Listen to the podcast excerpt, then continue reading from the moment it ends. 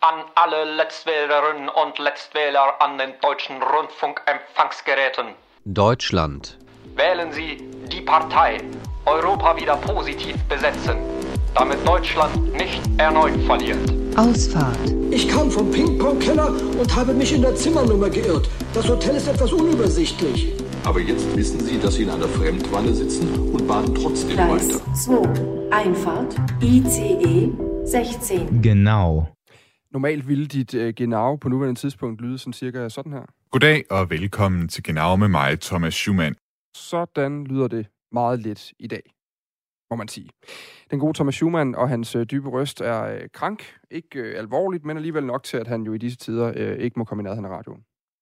Det er nemlig rigtigt, så i stedet for, så har du den næste time, den, hvad skal man sige, tvivlsomme fornøjelse af mig, Mads Anneberg, normalt øh, vært på Lobbyland her på Radio 4, og dig, Dan Grønbæk, et eller andet med sport. Noget med fodbold på fire på foden, ja. Så det, og hvad får man, hvis man blander en, en EU-korrespondent med en fodboldkorrespondent, så får man jo simpelthen et Tysklands-program. Øh, vi mødes lige midt imellem der. 100 procent. Og øh, Thomas kan jo ligge hjemme i sengen og glæde sig over, at der skulle to til at, at afløse ham i dag.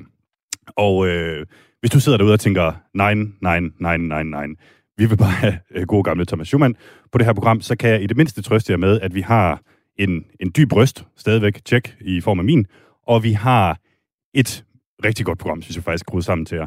Vi skal blandt andet forbi øh, et, et, et spørgsmål, som lyder sådan her.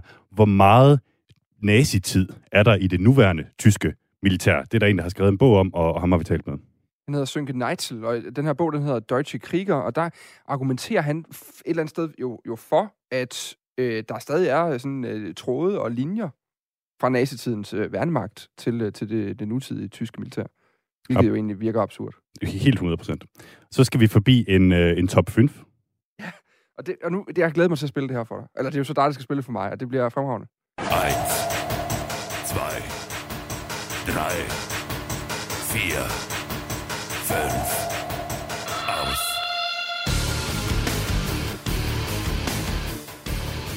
Ja, det er en Ursula von der Leyen top 5, som øh, vi kommer til lidt senere i programmet. Hun er som bekendt formand for EU-kommissionen, eller for kvinde, om man vil. Og inden du nu øh, sidder og bliver bekymret for, at det hele går op i øh, heavy metal og, øh, og, og, hvad jeg vil sige, sminke med de gode folk i Ramstein, så er der altså også andet, andre musikalske indslag i, i den kommende time. Zu Asche, zu Staub, dem Licht geraubt. Doch noch nicht jetzt. Wunde warten bis zuletzt. Det her det er titelsangen fra den serie, der hedder Babylon Berlin, som øh, jeg for nylig slugte hele tredje sæson af, og som vi skal prøve at tale lidt om, også for at komme i den her stemning, som minder lidt af, af, af gamle dage i Deutschland. Øhm, må jeg lige, før vi runder introen af her, Dan, må jeg lige stille et kritisk spørgsmål. Hvor meget tysk taler du? Øhm, jamen altså det, det klassiske klichésvar på sådan noget med udenlandsbrug, det er jo, at man taler til husbehov, og det har ofte noget at gøre med, at man kan bestille en øl og et stykke brød et sted. Ja, det tror måske også, jeg kan en smule mere end det, men det skal nok øh, genopfriskes øh, relativt meget. Jeg har ikke brugt det. Jeg har ikke, det har ikke været aktiveret sådan rigtigt de sidste 10 år i, øh, i, min, i mit hoved, tror jeg. Så det, det må være en eller anden form for hjernecenter, der lige skal, øh, skal skubbes i gang igen. Helt sikkert. Altså, jeg tænker, at være vært på Genau, det øh, kan måske hjælpe den en lille smule. Og så hjalp Babylon Berlin jo for mange af os. Hvis ikke vi var øh, ty- Tysklands elskende i forvejen, så, øh, så var det i hvert fald en serie, der gjorde det, den blev sendt på DR, at mange af os nok hoppede direkte i gryden. Absolut. Kæmpe fremskridt for Weimar-republiken. Ja. øhm, ja, ved du hvad? Skal vi ikke bare øh, tage hul på det? Lad os gøre det.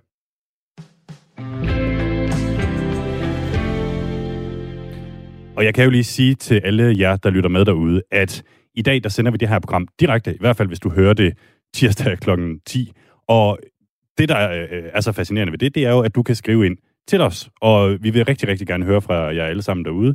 I, øh, I kan skrive en sms til 1424, hvor I starter jeres besked med R4 mellemrum. Thomas Schumann, du er også øh, velkommen til at skrive ind med, med ris og ros til, til øh, dine to afløsere. Og vi har bestemt i dag, at man kan skrive både på dansk og på tysk. Vi vil gerne være tosproget her på Genau, modsat, øh, øh hvad skal man sige, byskiltene i, i, i Sønderjylland for den sags skyld. Hvis der kommer nogle sms'er på tysk, så får vi en ind og, og oversætter dem. Vi har vores øh, uh, Tysklands medarbejder her på uh, den uh, midlertidige Genau-redaktion, uh, Ejn Amripur, som sidder klar ude i uh, producerrummet til at, at oversætte og levere i programmet, så, så I skyder, skyder bare afsted.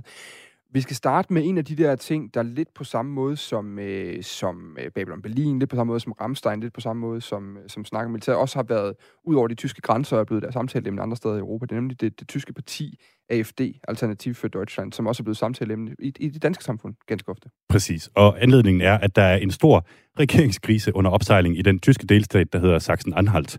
Den, øh, de to ingredienser i den krise, det består af 86 eurocent, det er lige godt og vel øh, 6 kroner, og det tyske parti AFD, Alternativ für Deutschland. Ganske kort fortalt, så er, øh, øh, så er der, der lige nu på, på tegnebrættet i den her delstat, at man vil sætte licensen op øh, med, med de her 6 kroner. Og det vil øh, de, de to partier i regeringskoalitionen gerne, Socialdemokraterne og de Grønne, men CDU, det konservative parti, som øh, sidder på, på ministerpræsidentposten, vil ikke så gerne. Og den eneste måde, de kan få det her igennem på, CDU, det er ved at samarbejde med AFD, det her højrefløjsparti i Tyskland. Og hvis vi lige skal, skal starte der, så er AFD er jo, er jo, er jo det her øh, Alternativ for Deutschland et parti, som man traditionelt set i Tyskland, de andre partier gerne vil holde sig lidt på afstand af. Det, det skyldes jo øh, primært øh, det, man taler om som sådan yderligt gående højreorienterede tendenser, øh, som har afskrækket øh, stort set alle andre end dem, der øh, har stemt på dem de senere år. Mens det her konservative regeringsparti, CDU, som jo er et af de, de traditionelle, øh, jo står et andet sted. Og de har jo altså på visse områder en politik, der falder sammen med AFD's politik, og det er jo der, det bliver lidt interessant, og hvor det også skaber spændinger i hele det politiske landskab i Tyskland. Absolut, og, og selvom det kan lyde som en, en kæmpe bagatell, det her med de 86 eurocent, som licensen måske måske ikke skal stige med i en tysk delstat, så er det altså noget, der har fået føderale politikere i Berlin også øh, helt op af stolen, og, og, og ligesom kaste sig ind i den her debat endnu en gang faktisk, fordi den har jo været oppe før, kan man samarbejde mm. med det her parti AFD. Der har været lignende sager, kan man sige, i andre forbundsstater også i, i Tyskland. Blandt andet i Thüringen, der har en øh, nyvalgt ministerpræsident fra øh, det liberale FDP-parti øh, simpelthen været nødt til at trække sig, fordi han var blevet valgt på stemmer fra blandt andet AFD. Og sådan noget kan man jo ikke have siddende på sig øh, i den øh, del af Tyskland, i den del af, af, af man kan sige, samfundet. Vi ringede øh, til Frank Markus Døring, som er øh, medlem af CDU i Flensborg, og det gjorde vi egentlig mest for at høre ham, hvordan det kan være, man har den her øh, berøringsangst over for at samarbejde med øh, AFD. Ja, jeg tænker, at det er øh, godt forståeligt, at de har en sådan en berøringsangst, fordi man kan godt sige, at AFD det er ikke helt en demokratisk parti, så derfor skal man heller ikke stemme sammen med dem, fordi det kunne jo være en tegn til, at man øh, får sådan en parti mulighed til at øh, få demokratisk indflydelse, og det vil man ikke have. Ja, ja, tysk politik er ikke så pragmatisk som dansk politik er. Um, der, der, der, måske har det noget at gøre med, med historien, uh, og man er særlig opmærksom på højrefløje partier som AFD. Og man skal jo også vide, at øh, uh, AFD, de har selvfølgelig i den der tilfælde, har de, en, har de deres mening, der, der, der drejer sig om, om gebyrer til uh, fjernsynet og, og radio. Og det er ikke, det er ikke, det er ikke sådan en ideologisk emne, men øhm, AFD, øh, de har også en, en, en del, afdeling, som kaldes øhm, der flygel, fløjen, og det, det, det betyder selvfølgelig øh, højrefløjen. Og det er en, øh, ja, det er folk, som, som forærer nazister, faktisk. Og så skal man selvfølgelig være forsigtig. Så skal man selvfølgelig være øh, forsigtig, som det, som det lyder her. Fra et dansk perspektiv, der kan det jo virke helt skørt, at man jo vælger ikke at få sin politik gennemført, alene fordi der er det her ene parti, man ikke vil inddrage, og dermed sættes i bås med. Så vi spurgte også øh, Frank Markus Døring, om øh, der ikke kan være emner, der er så små, at man alligevel godt vil kunne finde øh, fælles øh, fodfæste. Jeg tænker, at der, der, der er ikke noget, der er, der, der er småt nok til at samarbejde med dem. Ja, jeg er helt klar over, at det er svært at forstå fra en dansk perspektiv, fordi jeg har jo også højre partier, og selvfølgelig arbejder man sammen med dem, fordi man er mere pragmatisk, end man er i, i, i Tyskland. Men så er det altså også noget, vi har lært fra historien. Fordi det, det, lige det samme var sagt i øh, 1933, 33, da, da Hitler kom til magten. Og så havde hans første regering, der var kun øh, to-tre minister fra øh, nazisterne parti. Og øh, alle andre minister var fra andre partier, og de sagde, ja, ja vi skal, øh, vi skal lige binde dem ind, så bliver de demokratiske, og så går det alt godt. Og det var kun to måneder efter, med den øhm, bemyndighedslov, eller jeg ved ikke, hvad det hedder på dansk, det er ermächtigungsgesetz på tysk, øhm, at øh, faktisk parlamenten, parlamenten øh, øh, skaffede sig selv af. Så øhm, det virker det ikke. Og det er den, den store historie og forbillede, man har. Og derfor er man virkelig rigtig, rigtig forsigtig med at arbejde sammen med AFD. Som lød det altså her fra, øh, fra ham her, øh, Frank øh, Markus Døring, som altså er medlem af CDU i Flensborg, godt og vel. Inde på øh, AFD's hjemmeside, øh, der skriver de, at AFD er et retsstatsparti. AFD forsvarer uden forbehold grundloven og forsvarer den fri-demokratiske grundorden, såvel som statens magtmonopol. AFD har altid tydeligt distanceret sig fra enhver form for ekstremisme, det være sig venstre, højre eller religiøst motiveret. Det er skrevet i september 2018 af Alexander Gavland øh, forhåndværende partileder for AFD og medlem af Forbundsdagen i Tyskland. Øh, den får jo ikke for lidt her med, med kritikken af AFD øh, fra, fra ham her CDU-medlemmet, øh, og også med, med de her historiske sammenligninger, som han, øh, som han har. Og vi har faktisk prøvet at få en kommentar fra øh, AFD, men, øh, men de er ikke vendt tilbage på vores henvendelse. Hvis de gør det i løbet af den kommende uge, så tager vi det selvfølgelig med i næste program. Men det lyder jo som sagt lidt besynderligt i en dansk politisk kontekst, at man ikke vil samarbejde med dem ude på den ideologiske højrefløj helt ud. Så hvad er forskellen egentlig på Danmark og Tyskland i den her sammenhæng? Det kan øh, vores øh, næste gæst forhåbentlig øh, hjælpe os med at kaste en smule lys over. Velkommen til dig, Bertel Hårder. Tak skal du have. Tusind tak, fordi du vil være med i vores program her. Du er altså medlem af Folketinget for Venstre, tidligere Europaparlamentsmedlem og tidligere minister for, jeg har snart sagt, alt fra undervisning til Europa. Bertel, vi, vi hører her den kristendemokratiske Frank Markus Døring sige, at man absolut ikke skal samarbejde med AFD, fordi de er antidemokrater. Hvad tænker du om det? Jeg tænker for det første, at hvis de har lovet vælgerne, at de ikke vil tælle AFD's stemmer med, så skal de jo holde deres løfter. Så hvis de siger til vælgerne, hvis I stemmer på AFD, så tæller deres stemmer ikke med, så skal CDU selvfølgelig overholde det, som de har lovet. Det er det første. Og det andet, det er det, vi lige hørte, at der er jo altså en historie i Tyskland, som gør, at vi skal respektere, at man er meget følsom over for noget som helst, som kan ligne det, der skete i 30'erne i Tyskland. Det skal vi have stor respekt for. Så det er i den grad op til CDU selv, hvis de har lovet det, og hvis de vil være sikre på, at de ikke kommer i berøring med noget som helst, som har med 30'ernes forfærdelige udvikling at gøre, øh, så er det helt i orden og logisk, det de gør. Det er jo ret interessant det her med, at man, hvis man går ud og lover vælgerne, at man ikke vil samarbejde med et bestemt øh, parti. Altså, hvad, hvad, hvad, hvad, øh, hvad, hvad er din tanke om det for din mangeårige politik? Altså, at man simpelthen slår sig op på, hvem man ikke vil være sammen med? Man skal slet og ret holde sine løfter, og hvis man har valgt at sige til vælgerne, selvom man ved, at der måske er mange, der har sympati for AFD, vi skal lige vide, at deres stemmer kommer ikke til at tælle med, så skal man holde det løfte. Altså det at holde løfter, det er det allervigtigste i politik. Men øh, en ting, det er så det her løfte. Øh, men kan du personligt forstå, at de etablerede tyske partier er så AFD-forskrækket, som de er? Altså, i Sverige har vi jo set, hvor galt det kan gå, hvis man øh, på forhånd siger, at der er nogen, man ikke vil samarbejde med.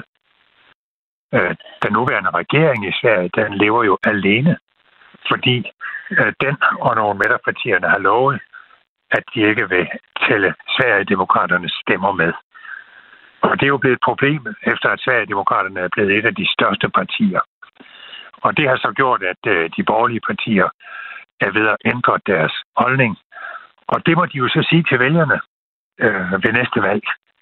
Der må det stå klart for vælgerne, at for fremtiden, så kan det godt være, at Sverigedemokraternes stemmer kommer til at tælle med. Og det tror jeg vil ske. Altså, at de vil ændre holdning, så Sverigedemokraterne kan øh, tælle med. Jeg kan også prøve at spørge på en anden måde. Altså, hvis nu AFD eksisterede en til en i Danmark, øh, er det så et parti, som du vil samarbejde med rent politisk? Nej, men Men jeg vil tænke mig meget grundigt om, øh, før jeg går til valg. Fordi som man kan se i Sverige, så har det altså en stor omkostning at sige, at der er nogen, man på forhånd ikke vil regne med. Så hvis de ikke ligefrem øh, ligner nazister, eller kommunister, eller islamister, så vil jeg være forsigtig med det, også fordi øh, i Danmark har vi det jo med, at øh, vi gerne vil respektere også de vælgere, der har stemt på nogen, vi ikke kan lide. Så det er jo nok den danske model, men øh, den synes jeg bare ikke, vi skal øh, trække ned over hovedet på tyskerne, fordi de har deres historie, hvor de vil holde sig fra alt, hvad der har med, med, øh, med nazisme og brun støvletramp at gøre. Og, og hvorfor vil du ikke samarbejde med AFD? Hvis jeg var tysker, så ville jeg ikke samarbejde med AFD. Øh, hvis det var i Danmark, og hvis det var en, en øh, parallel til Sverigedemokraterne, som har haft visse rødder i nazismen, men som aktuelt jo ikke kan siges at være nazistiske på nogen som helst måde, så vil jeg nok se på det ligesom de borgerlige partier i Sverige. Øh, så vil jeg nok før næste valg øh, sige ærligt, at det kan godt være, at vi tæller deres stemmer med. Hvad du inde på det her med, at det kan handle om islamisme, øh, kommunisme, øh, øh, øh, nazisme, som man også taler om her, hvor man har sin rødder. Men interessant er jo også, hvor grænsen går, fordi vi jo ser øh, rundt omkring i hele verden, øh, i europæiske lande, i Danmark, i andre, andre steder, uden i øvrigt at skulle lave sammenligninger med AFD, ser vi partier dukke op, som har deres øh, ideologiske afsæt, øh, i hvert fald længere ude på fløjene, end, øh, end man har været vant til i de her øh, forskellige demokratier. Altså, hvor går grænsen hen for, nu taler du om respekt for vælgerne, og for dem, der har stemt på de her partier, som jo har fremgang mange steder. Hvor går grænsen for, hvornår man som etableret politisk parti og system skal, skal samarbejde med dem? For mig går grænsen der, hvor, hvor øh, et parti siger, at det vil bryde helt fundamentale demokratiske rettigheder, øh, bryde alle konventioner, blæse på, på menneskerettigheder osv. Det vil jeg aldrig gå med til, og uanset hvor mange der stemmer på sådan et parti. Øh, vi hører jo AFD selv sige, at de er et retsstatsparti, de forsvarer grundloven. Hvorfor vil du ikke samarbejde med dem, hvis du var tysk politiker? Det vil jeg helt overlade til, til CDU, altså til de borgerlige i Tyskland. Om man kan stole på AFD, det vil jeg overlade til dem. Og det er jo også en sag mellem dem og vælgerne. Og så må de jo øh, gøre deres standpunkt op før næste valg. Og sige til vælgerne, hvad de vil gøre. Nu skal vi selvfølgelig, øh, som, som den også lige var inde på her, passe på øh, med at sammenligne. Men i 90'erne, der var der lidt den samme stemning omkring Dansk Folkeparti i Danmark. Altså, øh, tidligere statsminister Poul Nyrup Rasmussen sagde i 99, at DF aldrig ville blive stueren, og det var så dit parti, Venstre, der hæv DF ind fra kulden, så at sige, i 2001. Hvorfor gjorde I det? For det første, fordi man kunne ikke anklage Dansk Folkeparti for noget som helst af det, som man anklager AFD for. Øh, kun på et punkt øh, har de et afvigende synspunkt, og det er, når det gælder de internationale konventioner. Og der var det jo mig, der som integrationsminister øh, sagde, netop fordi Dansk Folkeparti var der, at øh, jeg vil overholde konventionerne, og det gik så vidt, at Pia Kærsgaard kaldte mig konventionsministeren. Og det var jeg meget stolt af, fordi det betød, at hun havde fattet, at de der konventioner, dem ville jeg altså ikke hoppe op og springe ned på, som, som hun ønskede. Så det var den måde, vi klarede Dansk Folkeparti på. Og det var jo rigtig klogt, efter min mening. Øh, fordi øh, dels har respekt for vælgerne, men også fordi Dansk Folkeparti havde jo ret i noget. De havde ret i, at der var en udlændingepolitik, der var kørt græsat. Det ved jeg bedre end nogen. Det var mig, der blev sat til at skulle rette op på det som Danmarks første integrationsminister. Så den proces husker jeg rigtig tydeligt, måske tydeligere end nogen andre. Jeg, jeg synes, at vi skal prøve at høre et, et, et klip mere med ham her, Frank Markus Støring fra, fra CDU, fordi Øh, det er jo interessant det her med, om det bliver et demokratisk problem på et tidspunkt, når man udelukker et parti for indflydelse, som egentlig har demokratiske vælgeropbakninger. Det har han også en, en, et besøg med. Selvfølgelig. De, de skal have indflydelse, det de, de er, fordi de har jo en stemmeafdel.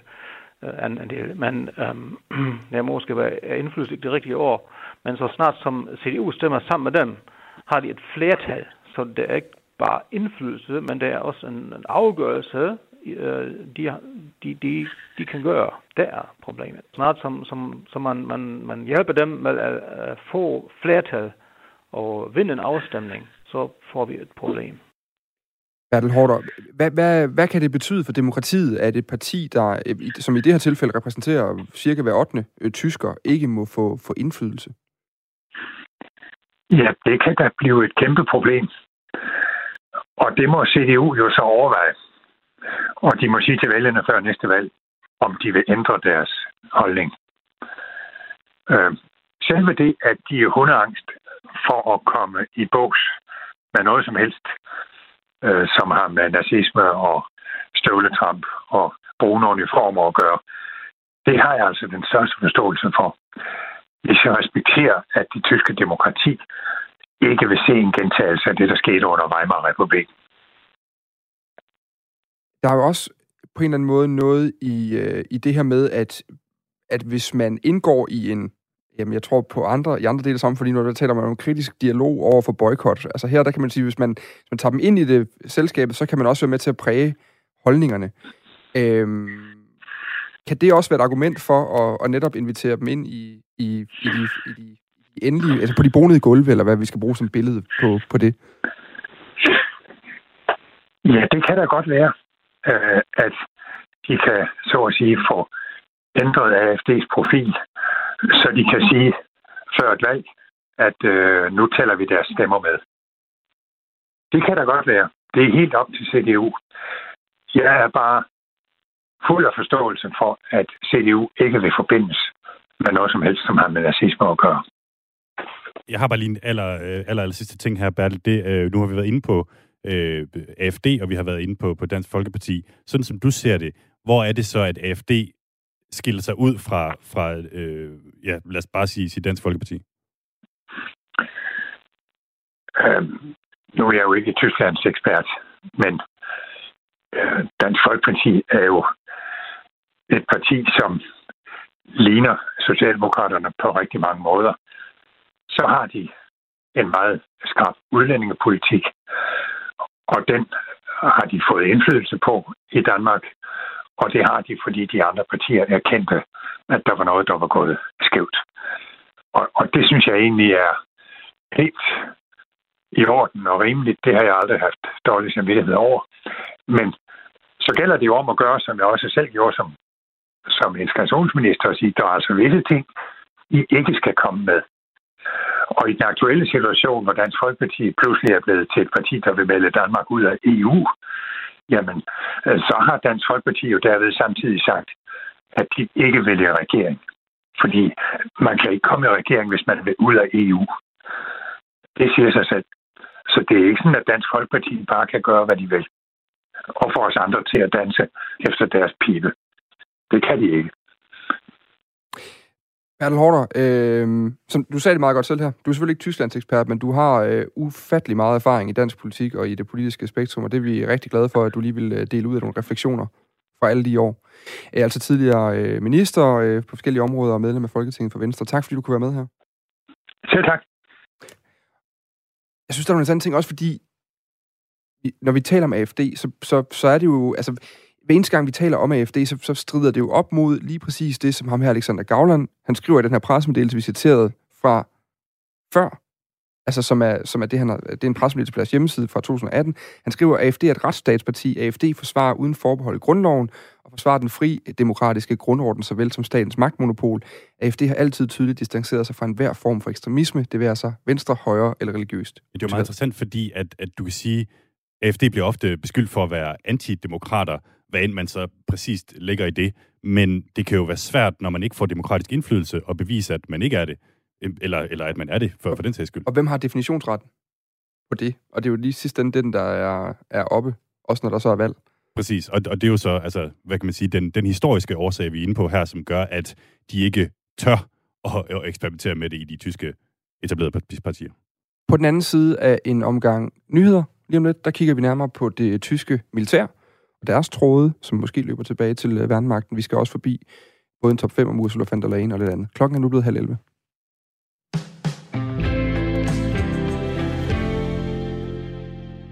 Velkommen tilbage til øh, Genau i en, øh, hvis det var sådan en radio i gamle dage, vil man sige, det der er en særudgave af programmet. Thomas Schumann, han er ikke til stede i studiet i dag, til gengæld er det uh, kanalens EU-konsulent, Mads Anneberg, og jeg selv, Dan Grønbæk, der normalt arbejder med fodbold, som har fået lov og fået æren af at administrere dette uh, fremragende tyske magasin, Tysklands magasin i dagens anledning. Det er jo faktisk en ære. Altså, Ja, det er jeg, det. jeg synes, det er, det er et godt program, øh, normalt, og jeg, jeg håber, vi slipper sådan nogenlunde øh, fra det her. Det har jeg på fornemmelsen, vi gør. Ja, vi skal i hvert fald til en top 5, som jeg tænker er noget, som man ligesom godt kunne indlægge i hvert eneste Tysklandsprogram fra, fra nu af. 1, 2, 3, 4, 5,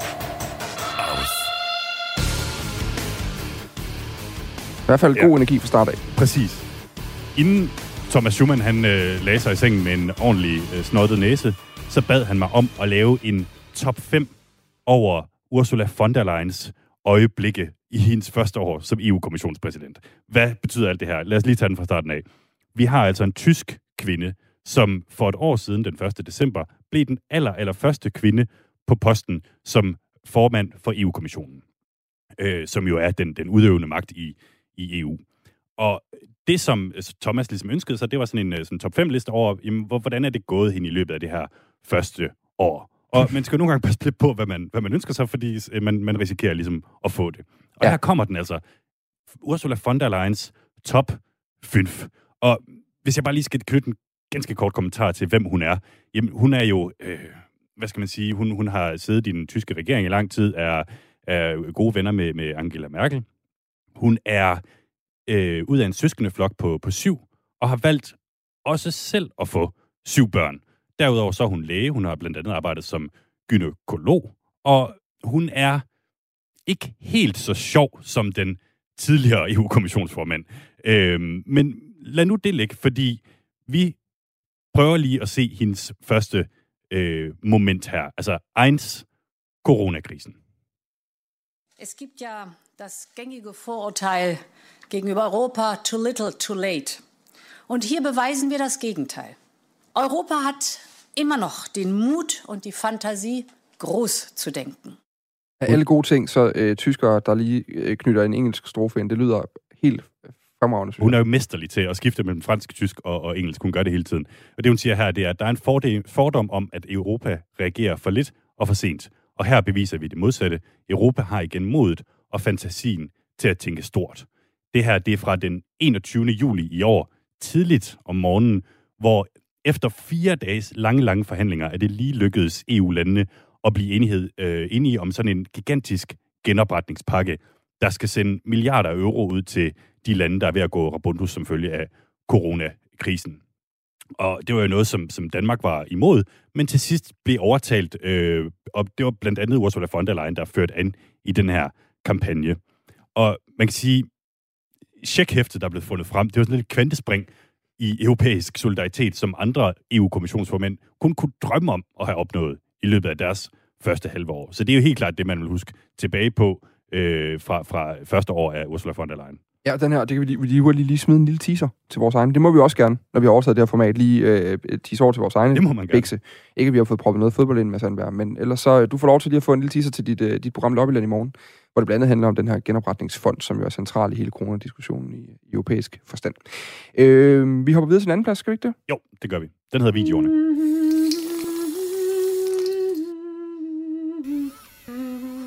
Står hun og barberer sig?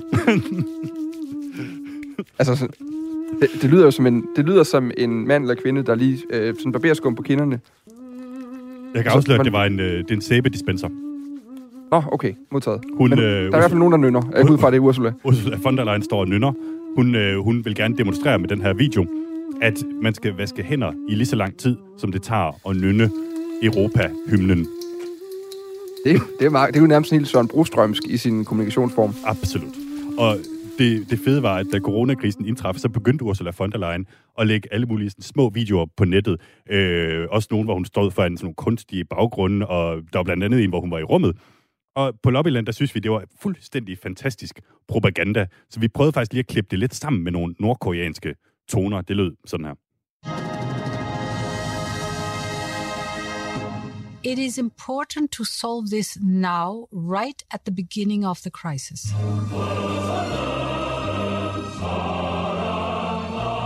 We will be successful if we work together. We are all in this moment Italians.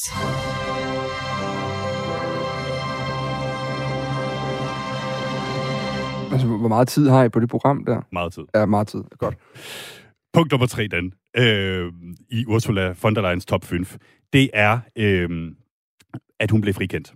Lige omkring årsskiftet, altså for et år siden, der så det ikke alt for godt ud for hende. Hun var øh, i gang med at blive undersøgt af en øh, parlamentarisk undersøgelseskommission i Tyskland, fordi at øh, i sin tid som forsvarsminister, der var der blevet givet nogle meget, meget lukrative kontrakter til nogle eksterne øh, konsulentbyråer, uden at der var blevet ført det nødvendige tilsyn. Og man skulle have fundet ud af, havde hun ligesom været med i den øh, i hele det. En politisk skandalesag lige efter bogen. Absolut, fuldstændig. Ja. Og hun øh, Øh, skal aflevere to mobiltelefoner, altså, øh, som, som hun har brugt i sin tid, og de bliver afleveret, men de er totalt wiped clean.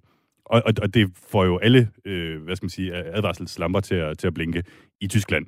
Men i sensommeren, der blev hun simpelthen frikendt for det her, øh, og man kan sige, at hun øh, erkendte, at der var blevet begået fejl. De er jo bare ikke blevet begået af hende, men af nogle andre. Og, og, og den hoppede øh, Tyskland ligesom med på, eller det, det, det blev det, det officielle øh, udfald af, af den her undersøgelse. Så hun blev frikendt, og det er hendes moment nummer tre. Moment nummer 4, og det hører jeg lige må sige, der er en titel jo, og den hedder 50-50. Yes. Og jeg kan næsten allerede gætte, at det har noget at gøre med øh, øh, den øh, altså kønssammensætning i parlamentet, kunne jeg forestille Okay, det er det, det, det, du tænker, når du hører Jamen, jeg, 50, kan huske, jeg kan huske, der var noget om det. Okay. Var det ikke det? Jo, hun, øh, hun var jo den første kvinde, der blev EU-kommissionsformand, og hun øh, lovede, at 50 procent af hendes EU-kommissærer skulle være kvinder. Det blev de så ikke i første omgang. Hun, hun var relativt tæt på. Men så skete der det lykkelige for hende, at en af hendes øh, kommissærer var nødt til at træde tilbage, fordi han simpelthen havde øh, brudt nogle coronaregler i sit hjemland, Irland. Det var øh, en, en mand, der hed Phil Hogan. Hurt, han blev så øh, skiftet ud med en, med en kvinde, og vupti, så hed det 50-50. Nu har vi 13 øh, kvindelige EU-kommissærer og 14 mandlige, altså kønslighed. Ja, fordi der så er Ursula også ovenpå, så den hedder 14-14, ikke? Jo, man kan sige, der er, der er 27 i alt, så så længe du har 13 af det ene, så er der lige... Ah. Og det, det giver vi hende. Vi må satse på nogen, der ryger for en corona-ting øh, mere. Præcis.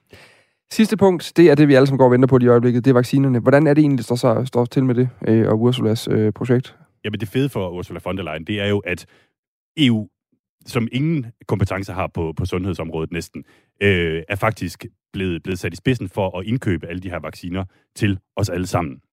Øh, de, de, de har ligesom reddet på sådan en bølge af, at, øh, at nu er EU tilbage i, i, i gamet i, i forhold til den her coronakrise. Og det er dem, der forhandler lige nu med medicinalgiganterne, sådan at vi alle sammen i Europa kan blive vaccineret. Og det går, i hvert fald ifølge de fleste, relativt godt. Vi har nu kontrakter med de tre øh, virksomheder, som faktisk har en funktionsdygtig vaccine, og det kan vi jo komme til at høste frugterne af om en måneds tid. Forhåbentlig da i hvert fald. Forhåbentlig da i hvert fald. Ja, og hvis man gerne vil vide mere om de her vaccineindkøb og sådan ting, så kan man høre til de sidste par udgaver af Lobbyland. Der var også en, øh, en, en tvivlsom afløser inde og erstat øh, Mads, mens han var væk, og der, der var der vist nok noget på planen om, øh, om de her vaccineindkøb blandt andet. Der blev snakket om der. Øhm, jamen, det var da en fin top 5. Således en top 5. Jeg synes, vi lige skal tage Ramstein en gang mere. Skal vi ikke det? 1,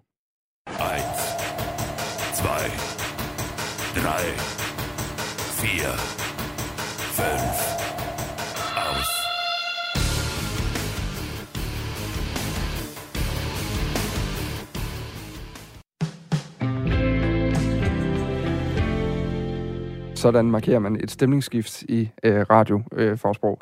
Du lytter til Genau på Radio 4 med Mads Anberg og jeg selv, Dan øh, Grønbæk. Og nu skal vi øh, kigge mod det tyske militær. Mads, af historiske grunde, så har øh, Tyskland jo siden 2. verdenskrig holdt sig fra at øh, flexe musklerne, kan man sige, på det militære øh, område.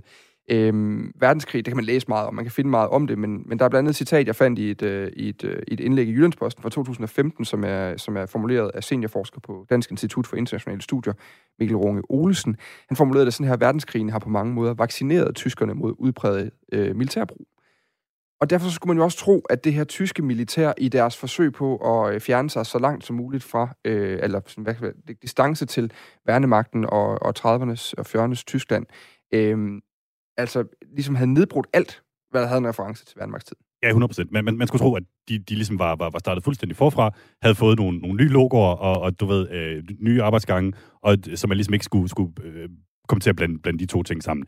Men den tyske historiker og journalist Sönke Neitzel har for nylig udgivet en bog, hvor han forklarer, hvordan der stadig går tråde fra det tredje riges militære storhedstid til det moderne tyske militær i dag. Det er øh, den faste vært på programmet her, Thomas Schumann, der har interviewet ham. Øhm, og vi skal lige prøve at høre, hvad, hvad han siger her. Og det første, vi hører, fordi der, nu bliver, der bliver vi snydt en lille smule Ja, af klippene, som Thomas har lavet her. For det første, vi hører, det er, at vi faktisk vi hører en, øh, det, der hedder en, en tappenstreg i anledning af Bundeswehrs 50-års jubilæum. Og hvis du er lige så lidt militært anlagt som jeg selv, så ved man ikke nødvendigvis, hvad en tappenstreg er. Men det er en militær ceremoni, hvor soldater om aftenen bliver kaldt til ro, og det gør de altså med ledsagelse af musik. Ja, og det man skal lægge mærke til i det her klip, det er det, som vi ikke kan se, nemlig at soldaterne bærer stålhjelme og fakler, som minder om, om lidt en anden tid. Nævneværdigt den tid, vi lige har talt om. Så spørgsmålet er, hvor meget værnemagt der egentlig findes i det nuværende Bundeswehr, altså det, det tyske militær, og nu kommer Sönke Neitzel. Naja, die äh, Bundeswehr würde da fein säuberlich unterscheiden. Sie würde den Zapfenstreich... Og jeg tillader mig lige at oversætte her øh, lidt undervejs. Altså, jamen, Bundeswehr ville lægge afstand til værnemagten og ville opfatte denne tappenstreg som en skik. Marchen er selvfølgelig meget ældre og stammer heller ikke fra værnemagten. Og de karabingeværer, som, bærer, som de bærer, stammer heller ikke fra værnemagttiden, selvom nazisterne også benyttede sig af dem. De stammer helt tilbage fra 1898. Til spørgsmålet om, hvor meget værnemagt der stadig kan findes i Bundeswehr, vil jeg sige, at der stadig findes elementer. Hvis jeg skal være nøjagtig, så findes det i opfattelsen af traditionerne. Hos nogle soldater er der en relation, og det er der selvfølgelig ikke officielt, men jeg tror, det stadig findes, selvom det er blevet væsentligt mindre udpræget i løbet af de sidste 20 år. Og så er der enkelte elementer fra enhedsspecifikke skikke, hvor handlinger, der anses for upassende, altså hører fortiden til, og andre mere passende elementer, jo så stadig hænger ved i skikkene.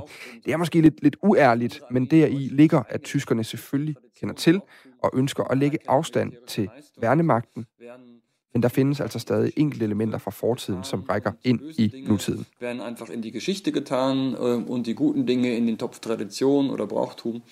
Ähm, das ist so ein bisschen unehrlich vielleicht, aber das liegt daran, dass die Deutschen natürlich wissen um den Vernichtungskrieg der Wehrmacht, dass sie damit, dass sie von sich abgrenzen wollen, aber dass es dann einzelne Elemente gibt, die auch noch von der Vergangenheit in die Gegenwart hineinreichen.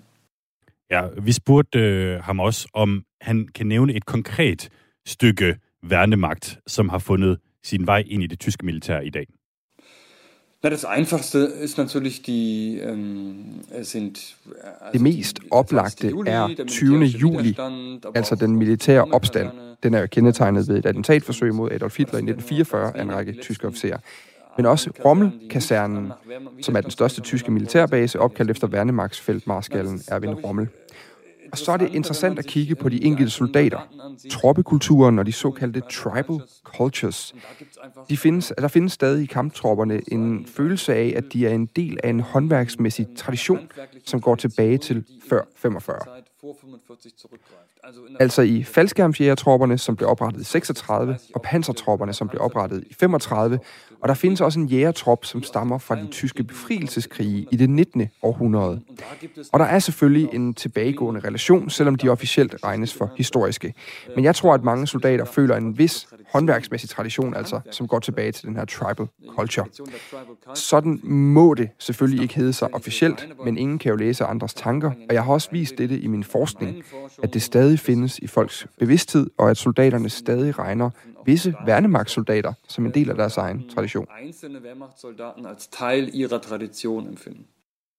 Jeg kan bare lige indskyde, jeg synes, det er vanvittigt interessant det her, at, altså fordi nogle af tingene, det er jo selvfølgelig noget, hvor, hvor, hvor der er sket nogle, altså det tyske militær har haft nogle traditioner helt tilbage fra før nazitiden, som så har overlevet nazitiden og er, er, er overlevet videre til i dag. Men, men sådan noget som, at der stadig er noget, der hedder Rommel-kasernen, altså opkaldt efter nazisten Rommel, det synes jeg jo er helt vildt.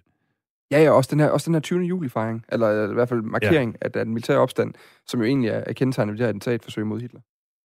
Men det vil så sige, at i hver afdeling af militæret øh, er der en bestemt kultur, som har overlevet gennem årene. Vi spurgte ham så også, hvor langt de her traditioner går tilbage, altså om de går helt tilbage til, til kejsertiden for, ja, 100 år siden.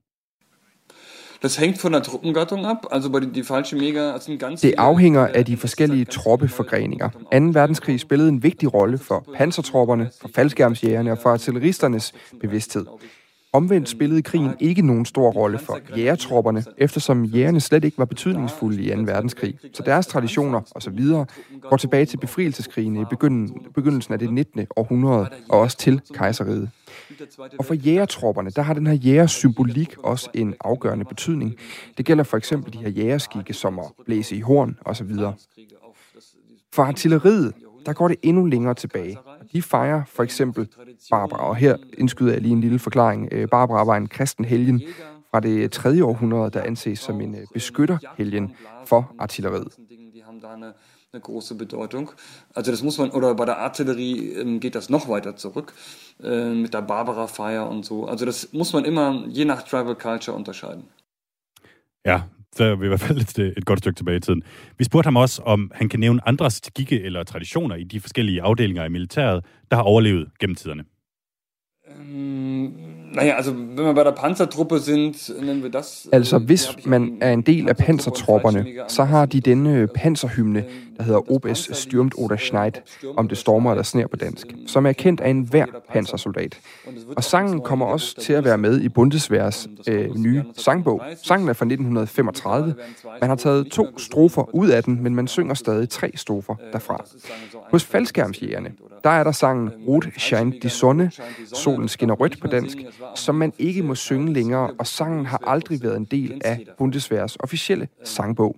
Men alle faldskærmsjæger kender sangen alligevel. Hvis vi tager faldskærm, faldskærmsjægernes emblem, der styrtsende adler, den styrtdykkende ørn på dansk, så er den skabt som en efterligning af emblemet kendt fra værnemagten. Den er ikke helt identisk, men den ligner meget. Og så er der hele deres karakteristika. Det er, at øh, faldskærmsjægerne befinder sig længere fremme end tropperne, som må improvisere, som må tilpasse sig kampen. Og derudover så er de karakteriseret ved deres aggressivitet og kamplyst. Så er der det særlige kammeratskab, den særlige kropslige fitness, og måske også en mere rå omgang med hinanden. Altså en rå mandekultur, selvom der i midlertid også findes enkelte kvinder blandt dem i dag. Da sind die falsche Mega schon, ich sage mal jetzt anders drauf. Ja, og noget andet interessant ved det her, det er jo politikernes reaktion på øh, hele den her fortsættelse af, af traditioner, og om de tyske politikere bør tillade den her form for kultur. For det virker som om, at de særlige skikke og tribal cultures, som Nigel fortæller om, opstår helt naturligt i enhver væbnet styrke. Så spørgsmålet er, om man fra politisk side bør tillade dem, de her skikke. Ja, altså, altså de tribal cultures... Hvad siger Neitzel? Ja, altså disse uh, tribal cultures opstår uanset hvad. De vil altid være der. Og kamptropperne har bestemte tribal cultures, men det betyder ikke, at de er højere radikale. I det lys er det ikke anderledes hos de danske kamptropper andet, end at de er præget af nogle andre kulturer. Disse kulturer vil være der, om man vil det eller ej. Det må vi acceptere, og vi må også acceptere, at der ikke er et modstykke, eller det ikke er et modstykke til demokratiet, i og med at 99 procent af de her mennesker føler sig som demokrater, og de tjener demokratiet. Deres skikke har bare en helt særlig form, fordi de har et meget specielt arbejde, nemlig at de i yderste fald må slå andre mennesker ihjel, noget som du og jeg jo ikke må. Og det må man også tale om offentligt. Når man har kamptropper, må man også forlange en vis ærlighed. Politikerne bør være ærlige omkring, hvad de vil med vores væbnede styrker.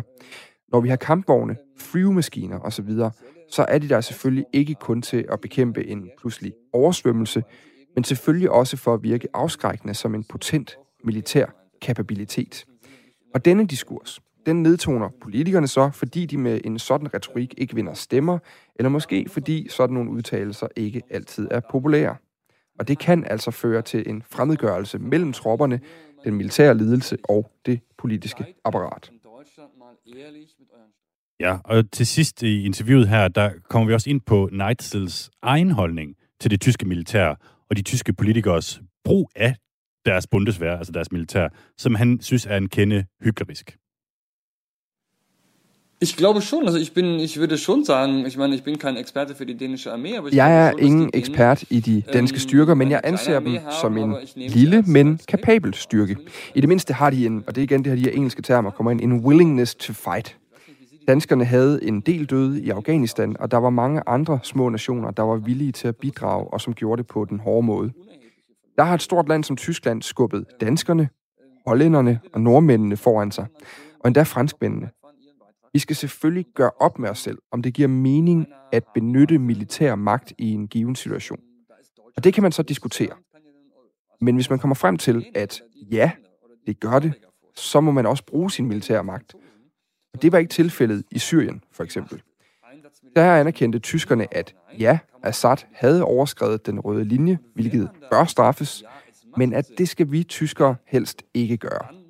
Hollænderne, britterne eller franskmændene kan gøre det beskidte arbejde, men ikke os. Og når man har sådan et bundesvær, ja, så må man også være beredt på at indsætte den i sådanne, sådanne øh, tilfælde. Og det handler simpelthen om at være villig til også at være beredt.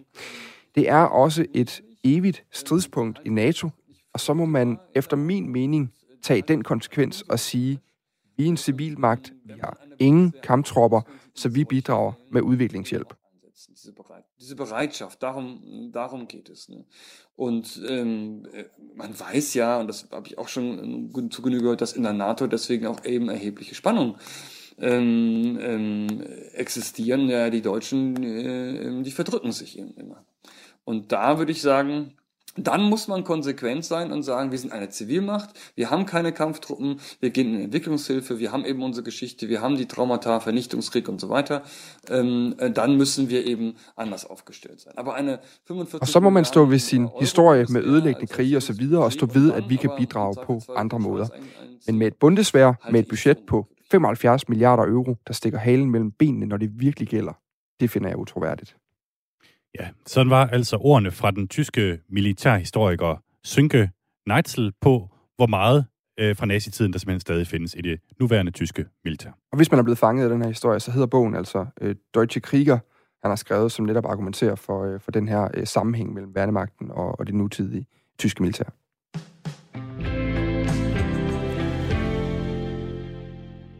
Mads, vi skal, øh, jeg tror, vi bliver nødt til lige at øh, vi er jo ikke Tysklands kendinge, nogen af os. Vi kender til Tyskland. Vi holder af Tyskland. Kan vi også godt, så langt kan vi godt gå. På hver vores måde, ikke? Du har lavet en top 5 over Ursula von der Leyen. Absolut. Og jeg holder meget tysk fodbold. Helt sikkert. Og har ligesom min vej ind i det der. Men jeg tænkte, at vi kunne godt prøve, hvis vi antager os som ganske almindelige danskere i forhold til vores kendskab til Tyskland, så kunne det måske være sjovt lave en lille konkurrence. Ja. En Deutschland Battle. En Deutschland Battle. Lad os sige, vi skiftes til at nævne kendte tyskere, og vores producer, Ejn Amripur, han øh, bestemmer, om vedkommende er kendt nok, tror jeg. Altså, hvis der er nogen, der ryger helt uden for skiven, så må han ligesom råbe højt derudefra. Han kalder, han kalder snyd på den. Okay. Men vi skifter til at nævne en kendt tysker, og så taber ham, der ikke kan mere. Okay. Og det, det skal gerne være nulevende, så vi ikke kommer omkring hele Ja, ja, ja. nazi-apparatet og Ja. Kaiser Wilhelm og alt, det der. Ja. Nulevende. Bismarck, nej tak. Fint. Det er, det Hvad er der på højkant? Øh, En Weissbier. En Weissbier. Godt. Øh, det vil jeg selvfølgelig købe i din butik, fordi lige med må vi gå på bar længere. Vi er jo i Aarhus. Godt. Vi sætter musikken i gang. Ja. Du starter. Angela Merkel. Billy Blarm. Bastian Schweinsteiger. Ulf Kirsten. Jens Spahn. Manuel Neuer. Heiko Maas. Øh, Joshua Fischer. Manfred Weber. Øh, Thomas Müller. Øh, det der musik, det stresser mig totalt, Dan. Skår lidt ned. jeg kan slet ikke huske, hvem jeg har nævnt. Øh, vi har selvfølgelig Ursula von der Leyen. Godt kald. Øh, Nico Schulz. Günther Oettinger. Marco Reus. Frank Markus Døring, som vi havde med tidligere. Emre Can. Sönke Nietzsche. Nej, Sönke Neitzel. Øh, skal jeg lige finde ud af, hvor dybt jeg skal grave. Mats Hummels. Mesut Özil. Åh, oh, den var god. Øh, Skodran Mustafi. Mm, hvor lang tid har vi tilbage i den her leg? Der er så lang tid, vi kan blive ved jo. Åh oh, nej. Er to minutter til nyhederne. Mm, hvem har vi ellers? Vi har jo... Øh... Bestemmer selv, når du banker i bordet. Ja, det er jeg jo ikke øh, så, så, så glad for. Ja, men vi har jo en, øh, men vi har jo en europaparlamentariker, der hedder Svend Giegold. Det har vi. Øh, vi har også en tysk fodboldspiller, der hedder Luca Waldschmidt. Rasmus Andresen. Og vi kunne sige uh, Luca Klostermann. Robert Lewandowski. Han er polak. Ah, hvad er nu, han hedder ham, der er den anden så? hvad er nu, han hedder ham, der er den gode angriber? Okay, jeg taber. Bank i bordet. Ah, hvis, jeg, hvis jeg nævner en polak, så har jeg vel automatisk tabt. Ja, det er nok. I er ude. Det bliver en vejsbier Fortæl for mig, selv- fortæl mig lige, hvad det er, han hedder. Jamen, Jamen, der er den, den, den gode angriber, som har et polsk navn, og som er fra Tyskland. Øh, pff, Pols navn op Tyskland. Men det, det er da et godt spørgsmål egentlig, hvem du lige har tænkt på der. Altså, der er en, jeg ved ikke, om de er gode, der er en David Ginczek, han spiller bare. Ja, det kunne være, og Miroslav Klose selvfølgelig. Det er Klose. Han er nu levende også. Han spiller ikke mere, men han, han var rigtig god. Det var faktisk, det synes jeg faktisk er lidt, det er sådan lidt øh, fodbold-hipstervalget, Miroslav Klose, i forhold til de nuværende angriber. Ja, og så valgte jeg ham jo så åbenbart heller ikke. Så. Nej, men Fint. Robert Lewandowski er også virkelig dygtig. Øh, der er en, der skriver til os her, Elsa har skrevet tillykke med vikariatet. Kreativt, oplysende, underholdende. Oh. Det var jeg glad er for at det, høre. Er det en rigtig sms, den? Ja, Jamen, er- den er i hvert fald kommet ind. Jeg ved ikke, om det er egen, der har kaldt sig Elsa, han har skrevet til os, men øh, den er i hvert fald kommet ind til os. Så Tusind tak. Og tak for det. Tusind tak for, for i dag. Vi er jo faktisk øh, meget, meget nær inden nu. Vi har 30 sekunder tilbage, og det har været en stor fornøjelse at få lov til at sende genau for, for jer alle sammen. Men heldigvis for os alle sammen, så håber vi, at Thomas Schumann er tilbage næste uge. Forhåbentlig også med, en, øh, med et interview med AFD, AFD øh, omkring den her øh, øh, diskussion, der har været med CDU i, i, øh, i, i Sachsen. Absolut. Og nu nåede vi jo overhovedet ikke omkring Babylon Berlin, men jeg kan kun opfordre folk til, at man går ind og sluger tredje sæson, ligesom jeg selv gjorde på mindre end 24 timer. En rigtig god dag. Klokken er blevet 11 nu. Øh, tak for herfra.